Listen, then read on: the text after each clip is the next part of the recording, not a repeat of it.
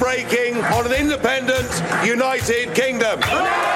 We're going to come out of the EU on October the 31st, come what may. Dit is Brexit Wake Up Call, een podcast van het ministerie van Buitenlandse Zaken. Want of je het nou wil of niet, de brexit komt eraan. En dus is het belangrijk dat je je als ondernemer goed voorbereidt. Tenminste, als je handel drijft met het Verenigd Koninkrijk. In Brexit Wake Up Call hebben we het met ondernemers en experts over welke maatregelen je moet treffen, zodat de brexit jouw bedrijf niet in de weg zit. Elke aflevering heeft een thema en deze keer hebben we het over juridische zaken. Mijn naam is Koos Tervoren en bij mij aan tafel Olenka van Ardenne, Senior Legal Counsel bij Sanquin.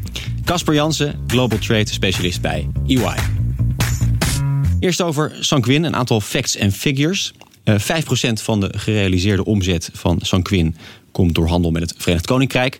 Ja, en wat voor handel is het dan precies? Nou, er komen een aantal kitjes naar Nederland, daar gaan we het zo over hebben. En jullie verzenden bloedsamples naar het Verenigd Koninkrijk. Daar gaan we het ook nog over hebben. Ja, Sanquin, de Nederlandse bloedbank, en Brexit lijkt niet heel uh, liggend dat die twee in één zin staan. Als je er uh, even snel over nadenkt. Maar dat is dus onterecht. Uh, beschrijf eens even de relatie die jullie hebben met het Verenigd Koninkrijk. Ja, dat klopt. We zijn een Nederlands bedrijf, een belangrijk bedrijf in de Nederlandse gezondheidszorg. Voor alle duidelijkheid, er wordt geen bloed geïmporteerd of geëxporteerd, want we hebben gelukkig trouwe donoren. En uh, die geven voldoende af om de ziekenhuizen uh, in nood en ook dagelijks te voorzien van bloed. Ja, dus die samples die naar het Verenigd Koninkrijk gaan, dat, is niet, dat zijn niet uh, de samples van bloeddonoren? Nee, samples die naar het Verenigd Koninkrijk gaan, zullen samples zijn die bijvoorbeeld voor onderzoek worden gebruikt of voor voor uh, universiteiten die uh, zaken gaan testen. En ik zou even, die, er komen kitjes komen naar Nederland. Ja. Wat, wat zijn dat precies? Dat zijn kitjes die we gebruiken om het bloed te testen. Het bloed moet veilig zijn, betrouwbaar zijn en mag natuurlijk geen virussen et cetera in zitten. Daarvoor zijn tests nodig. Uh, we moeten echt het rapportcijfer 10 halen, willen we het afleveren, want het wordt gebruikt voor kwetsbare patiënten. En daarvoor zijn verschillende tests voor nodig. Een aantal hebben we zelf ontwikkeld, een aantal krijgen we uit andere landen en een stukje komt uit het Verenigd Koninkrijk of wordt gekeurd door een toezichthoudende instantie in het Verenigd Koninkrijk. Je zegt een stukje komt uit het Verenigd Koninkrijk. Hoe afhankelijk zijn jullie dan van het Verenigd Koninkrijk? Wat, het gaat niet zozeer om uh, het percentage, als wel om hoe hard hebben we het nodig en zijn er alternatieven in Europa beschikbaar. Ja, zijn die er? Uh, in een aantal gevallen slecht, beperkt. Mm -hmm. Dus dan is het heel erg belangrijk dat we toch dat kitje zonder oponthoud en zonder problemen uh, kunnen blijven kopen. Ja. als we even kijken naar de brexit hoe raakt die brexit die er aan gaat komen, in welke vorm dan ook, hoe raakt die brexit jullie als bloedbank? Uh, het, het zou ons kunnen raken als wij niet de tests in huis hebben die we moeten uitvoeren om veilig bloed af te leveren. Maar let wel, omdat wij zo voorzichtig moeten zijn, uh, hebben we altijd al maatregelen getroffen om te zorgen dat die stroom continu is. We hebben goede afspraken met leveranciers. Het enige waar wij mee zaten is dat een aantal producten waren goedgekeurd door Engelse instanties. Mm -hmm. Want dat waren grote spelers in Europa in, in het keuringstraject. Uh, dan is de regelgeving dat zij het uh, op het CE-markeringnummer staan en dat dat niet meer gebruikt mag worden bij een harde brexit, omdat de keurende instantie niet meer onder de regelgeving valt. Ja, ja we hebben het gelijk over juridische zaken, mm -hmm. de CE-markering. Um, hoe is de situatie nu en hoe gaat die over een maand zijn? Um, de situatie nu is, is dat alle landen die tot de EU behoren uh, dezelfde regels hebben wat betreft het product. Dat is een prachtig element van de EU. Een patiënt hoeft zich geen zorgen te maken. Overal is de kwaliteit gelijk. Ja. Daarmee wil ik niet zeggen dat die op 1 november vanuit de VK opeens veel slechter is. Nee. Integendeel, het probleem is dat de aangemelde instantie niet meer onder toezicht staat of niet meer onder de regelgeving van Europa valt. En dus als zij het een en ander zouden veranderen, dan uh, zijn er andere instanties die daar naar kijken. In ja. plaats van de Europese. Ja. en de Europese norm. Ja, dus uh, andere instanties pakken het nu op. Sommige fabrikanten hebben ook het product, wat we noemen, overgezet naar een instantie in Duitsland. Maar dan nog ben je niet in de oplossing, want het product komt alsnog dan mogelijk uit Engeland. Dus je moet drie dingen goed bekijken. Hoe zit het met het vervoer? Zijn er voorraden in Europa? En is het product gekeurd door een instantie die uh, in een land zit dat in de EU blijft. Ja, Casper, dit is een vrij specifieke casus natuurlijk. Uh, maar er gebeurt van alles als het gaat om regelgeving. Eigenlijk is de Brexit natuurlijk gewoon één grote ja, chaos van regelgeving. Misschien mag je het zo noemen. Kunnen we daar nog een, een, onderscheid in maken? Kunnen we, dat, kunnen we daar een framework van schetsen? Welke juridische zaken er gaan spelen als die Brexit er is? Ja, nou, een tweetal dingen die echt naar boven komen is één, hoe, hoe heb je je contracten geregeld met zowel je afnemers als je leveranciers?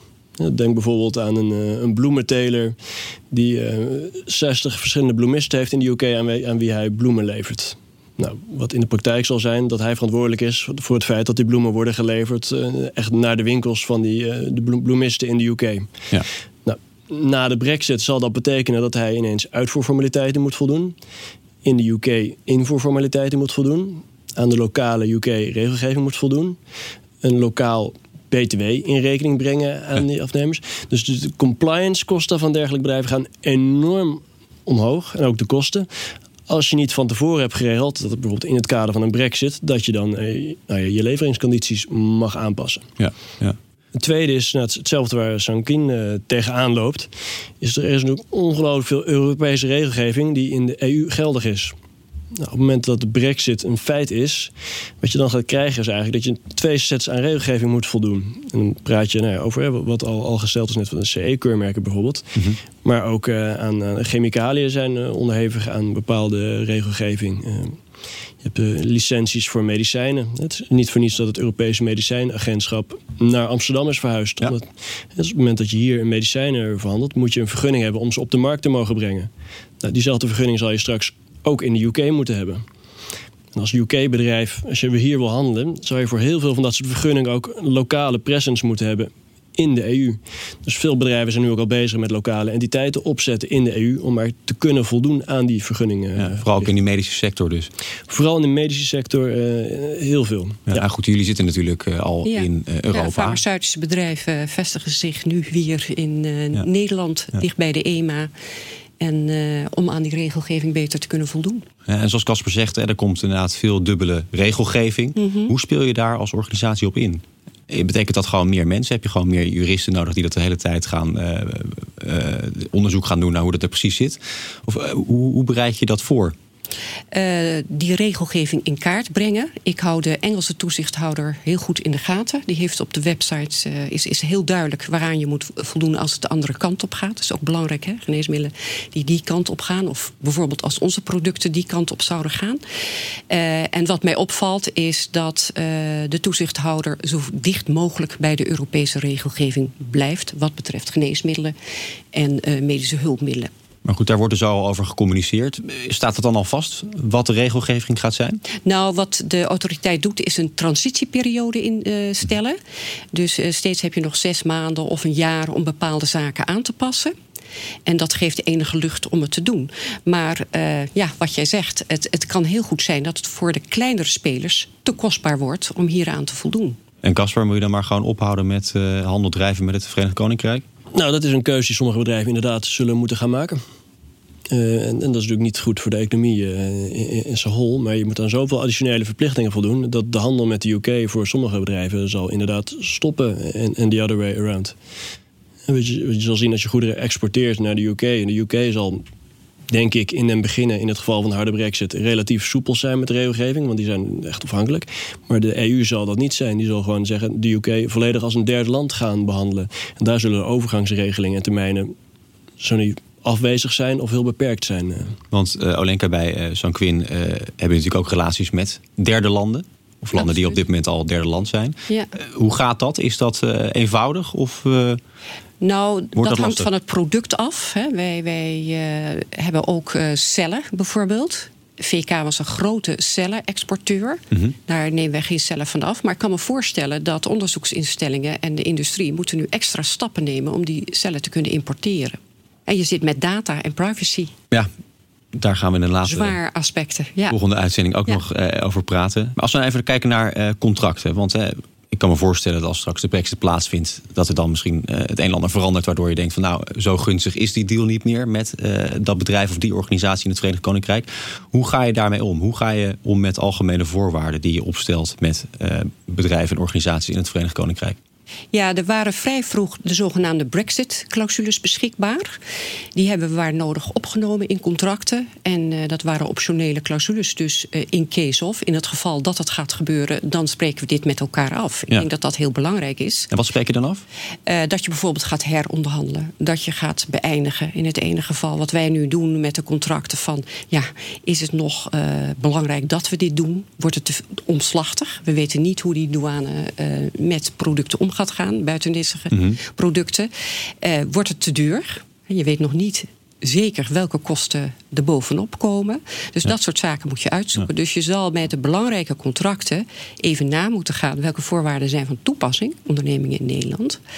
Um, en uh, wat willen we eigenlijk met dit contract? Als het veel te gedoe gaat geven, dan moet je misschien uh, stoppen. Is misschien ja. de meest praktische oplossing.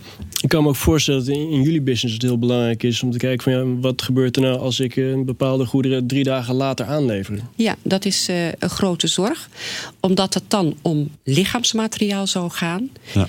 En uh, dat vinden wij een heel kostbaar iets. Dus we zouden niet willen dat we dat niet meer kunnen gebruiken... omdat het net te lang bij de douane heeft gelegen. Ja, dat heeft dus gewoon daar, een houdbaarheidsdatum. Dat is de houdbaarheid, ja. ja. En daar uh, hebben wij... Maatregelen voor getroffen. Dus wij weten nu van tevoren wat gaat erin, wat gaat eruit. En wij waarschuwen als er problemen zijn. Wilt u alsjeblieft even met ons contact opnemen. Casper, zo'n uh, clausule in de algemene voorwaarden... is dat uh, voor een ondernemer die misschien wat minder juridische mankracht heeft... Uh, te organiseren? Dat is zeker te organiseren, maar ik denk dat het ook wel veel te weinig gebeurt in de praktijk. Omdat er nog veel te veel bedrijven toch niet bezig zijn of toch afwachten van hoe gaat die brexit er nou echt uiteindelijk echt uitzien. Terwijl ik denk dat het is echt essentieel voor, voor bedrijven om echt aan te geven na de brexit dat je echt anders omgaat met leveranciers of met klanten. Ja. Omdat er zo'n grote kostimpact uh, kan hebben potentieel. Dus als je er niks aan doet, dan zou je gewoon er letterlijk aan ten onder kunnen gaan. Ja. En dat gaat voor, dat is voor je eigen leveranciers en je klanten, maar het geldt natuurlijk voor een hele supply chain. Een supply chain kan bestaan uit 20 bedrijven, bij wijze van spreken. En hoeft er maar één zo'n zaken niet op orde te hebben. Nou, en zo'n hele supply chain kan in wezen stil komen te staan. Ja, dat is een groot risico. Dan heb je het geregeld met je eigen contractspartij. Maar als die afhankelijk is van drie andere fabrikanten in de VK die niet leveren of mm-hmm. het niet gaan redden financieel, hè, dat, dat risico is er nu ook, dan heb je alsnog een stop en een probleem. Dus uh, het is heel belangrijk dat iedere ondernemer echt goed nagaat wat is mijn verkeer met, uh, met VK en wat ja. hebben we vastgelegd en waar kan het fout lopen voor ons? Elke aflevering vragen we de ondernemer in de podcast de Brexit Impact Scan te doen. En die kun je overigens ook zelf doen op brexitloket.nl. En door die scan zie je precies welke maatregelen jij als ondernemer moet nemen om je optimaal voor te bereiden op de Brexit. Nou, Olenka, ook jij hebt hem gedaan. Uh, we hebben hem gehouden tegen het plan wat we hadden. En uh, daar kwam hetzelfde uit. Overigens vind ik die scan nagenoeg briljant. Omdat hij rekening houdt met uh, de verschillende ondernemingen, kennisniveau, of ja. het wel belangrijk is of niet. Dus ja. je kunt vrij snel doorscrollen als het, als het niet belangrijk is. En als je denkt, oh jee, daar heb ik mee te maken, dan kun je uh, lezen. En als je er heel veel mee te maken hebt, mag je doorklikken.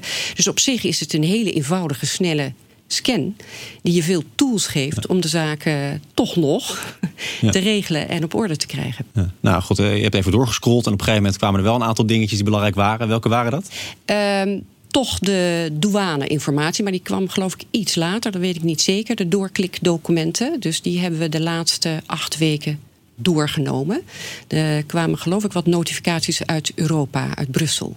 Ja, ja. En ook wat betreft de privacy, dat er uh, een, een, standpunt kwam. Dat hebben we toch nog doorgenomen en meegenomen in onze aanpak. We weten natuurlijk al een tijdje dat de brexit eraan komt. Zijn jullie toen ook begonnen? Hebben jullie toen al die scan gedaan? We hebben de scan de eerste week van januari 2019 uh, gedaan. Dat is al iets later nadat het bekend was. Hoe kwam het dat het wat later was? Uh, omdat wij ook rekening hielden met het feit dat als je te vroeg begint, heb je de alertheid niet. En dan gaat niet iedereen met zijn mouwen opstropen. En nu zit de vaart erin. Ja. En ik moet eerlijk zeggen dat we op tijd zouden zijn geweest zonder het uitstel. Ja.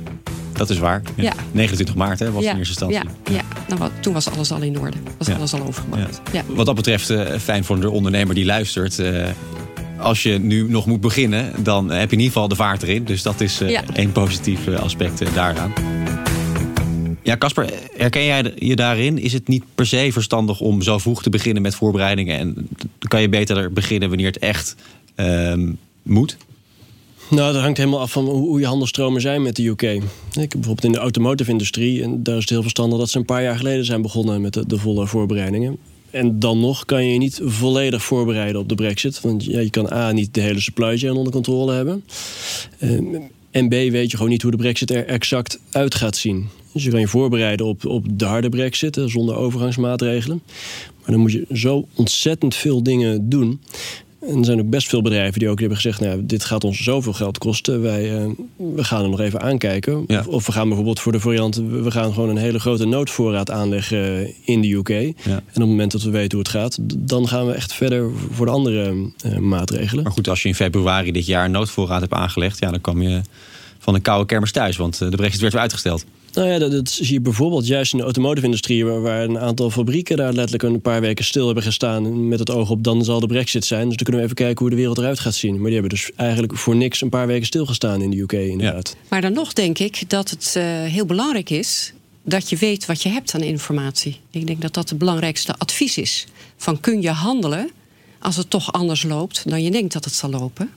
En dat betekent dat je je systeem, op orde moet hebben. Dat je goed eh, moet weten waar kan ik wat vinden. En, en dat je informatie kan verbinden, lijkt mij toch? Nou, absoluut. Het meest cruciale van, de- van Ja, nee, je moet, je moet echt zeker echt al je, alles in kaart brengen wat er is. Ik denk dat dat essentieel is. En, en wat vaak nog vergeten wordt, iets heel simpels. Je wil ook je klanten kunnen factureren uiteindelijk. Ja. Als je administratie en systemen niet op orde hebt, dan kan het zomaar zijn dat je gewoon je klanten een paar weken tot een paar maanden niet kan factureren. En alleen dat al, het cashflow-nadeel, kan ervoor zorgen dat bedrijven letterlijk omvallen. Eh, nou goed, we hebben natuurlijk al een aantal juridische thema's eh, aangeraakt. Eh, contract is natuurlijk een, belangrijke. Kijk goed naar de algemene voorwaarden en welke clausules je kunt inbouwen. Het regulatory framework is natuurlijk ook belangrijk om naar te kijken. Vergunningen, regelgeving in Groot-Brittannië. Maar laten we het nog even concreet maken. Stel je verkoopt pennen, die exporteer je naar het Verenigd Koninkrijk. Ja, aan wat voor regels of regels die gaan veranderen moet je dan gaan denken? Ja, dat is een hele belangrijke vraag, want dat is ongewis. Hè. De CE-markering staat niet alleen op medische producten, die staat op alle producten in Ja. Europa. Dus een ondernemer zal moeten nagaan waaraan moet ik voldoen om aan de Engelse regelgeving eh, de- aan te sluiten. Wat ook belangrijk is, dat bijvoorbeeld consumentenbescherming heel veel onderwerpen voeren terug op Europese regelgeving. En het is de vraag of de VK dat gaat handhaven, eh, er dicht tegenaan gaan zitten, of gaat zeggen van nou ja, ik heb daar niks meer mee te maken, ik ga het heel anders oplossen. Ja. Ja, gaat één op één overnemen of ze gaan het eh, minder streng maken, of Ja, misschien zelfs ja, strenger, ja, waardoor je niet ja, meer kunt exporteren. Ja, ja, absoluut. Dus die check zal moeten plaatsvinden. Casper, zijn we nog wat vergeten? Nee, nou, de, de, de- dat er heel veel wetgeving op Europese wetgeving is gestoeld, dat, dat is één. Eh, wat, wat we misschien nog. Nou, aardig is misschien niet het juiste woord. Maar goed, om te, om te vermelden, je, je hebt ook nog een bepaalde wetgeving, is eh, dual-use wetgeving. Dat betekent op het moment dat je goederen exporteert naar een land en je kan die goederen gebruiken voor civiel eh, eh, gebruik, maar ook voor het maken van militaire eh, producten. Maar dan kun je bijvoorbeeld denken aan een schroef, hè, die je civiel gebruikt, maar die je ook kan gebruiken voor een tank. Dan moet je een, een, een exportvergunning hebben om die schroef te mogen exporteren. Vanuit de Europese Unie. Vanuit de Europese Unie. Ja. Wat momenteel eh, gaat gebeuren, zijn natuurlijk een tal van bedrijven die dit soort goederen gewoon naar de UK verschepen op en neer. En ben je totaal niet vergunningplichtig. Maar vanaf de Brexit zou je ineens vergunningplichtig moeten zijn. En mag je die goederen gewoon niet verschepen naar de UK zonder een vergunning te hebben. En het aanvragen van zo'n vergunning kan makkelijk twee, drie, vier maanden duren. Dus dat is nog iets waar bedrijven wat, waar, waar, wat je niet vaak ziet in de pers, maar wat wel eh, behoorlijk essentieel kan zijn. Ja. Dus eh, produceer je een simpel boutje, ga dat nog even na. Ja, dat lijkt me een bijzonder goed idee. Alright, tot slot. ehm, Olenka, als je een eh, tip mag geven aan eh, ondernemers die eh, geraakt worden door de brexit... en die nog moeten beginnen of midden in eh, de opstartfase zijn... eh, met de voorbereiding voor de brexit. Wat zou dat dan zijn? Wat is jouw gouden tip? Ik zou zeker die scan nog doen, een coördinator aanstellen En even kijken van hoe zit mijn informatiesysteem in elkaar en kan ik snel handelen als er onverwachte dingen gebeuren. Ja, dus... En wat ook handig is, is categoriseren van de problemen. Wij hebben heel erg op dubbelrood, oranje, groen en rood gewerkt. Dat moet je even uitleggen. Uh, de urgente problemen, de belangrijke problemen, wat raakt je business, zet je in rood. En dan kan je op het laatst ook daar je aandacht aan kunnen geven. Ja. En groen is dat interesseert ons eigenlijk niet zo. Nee.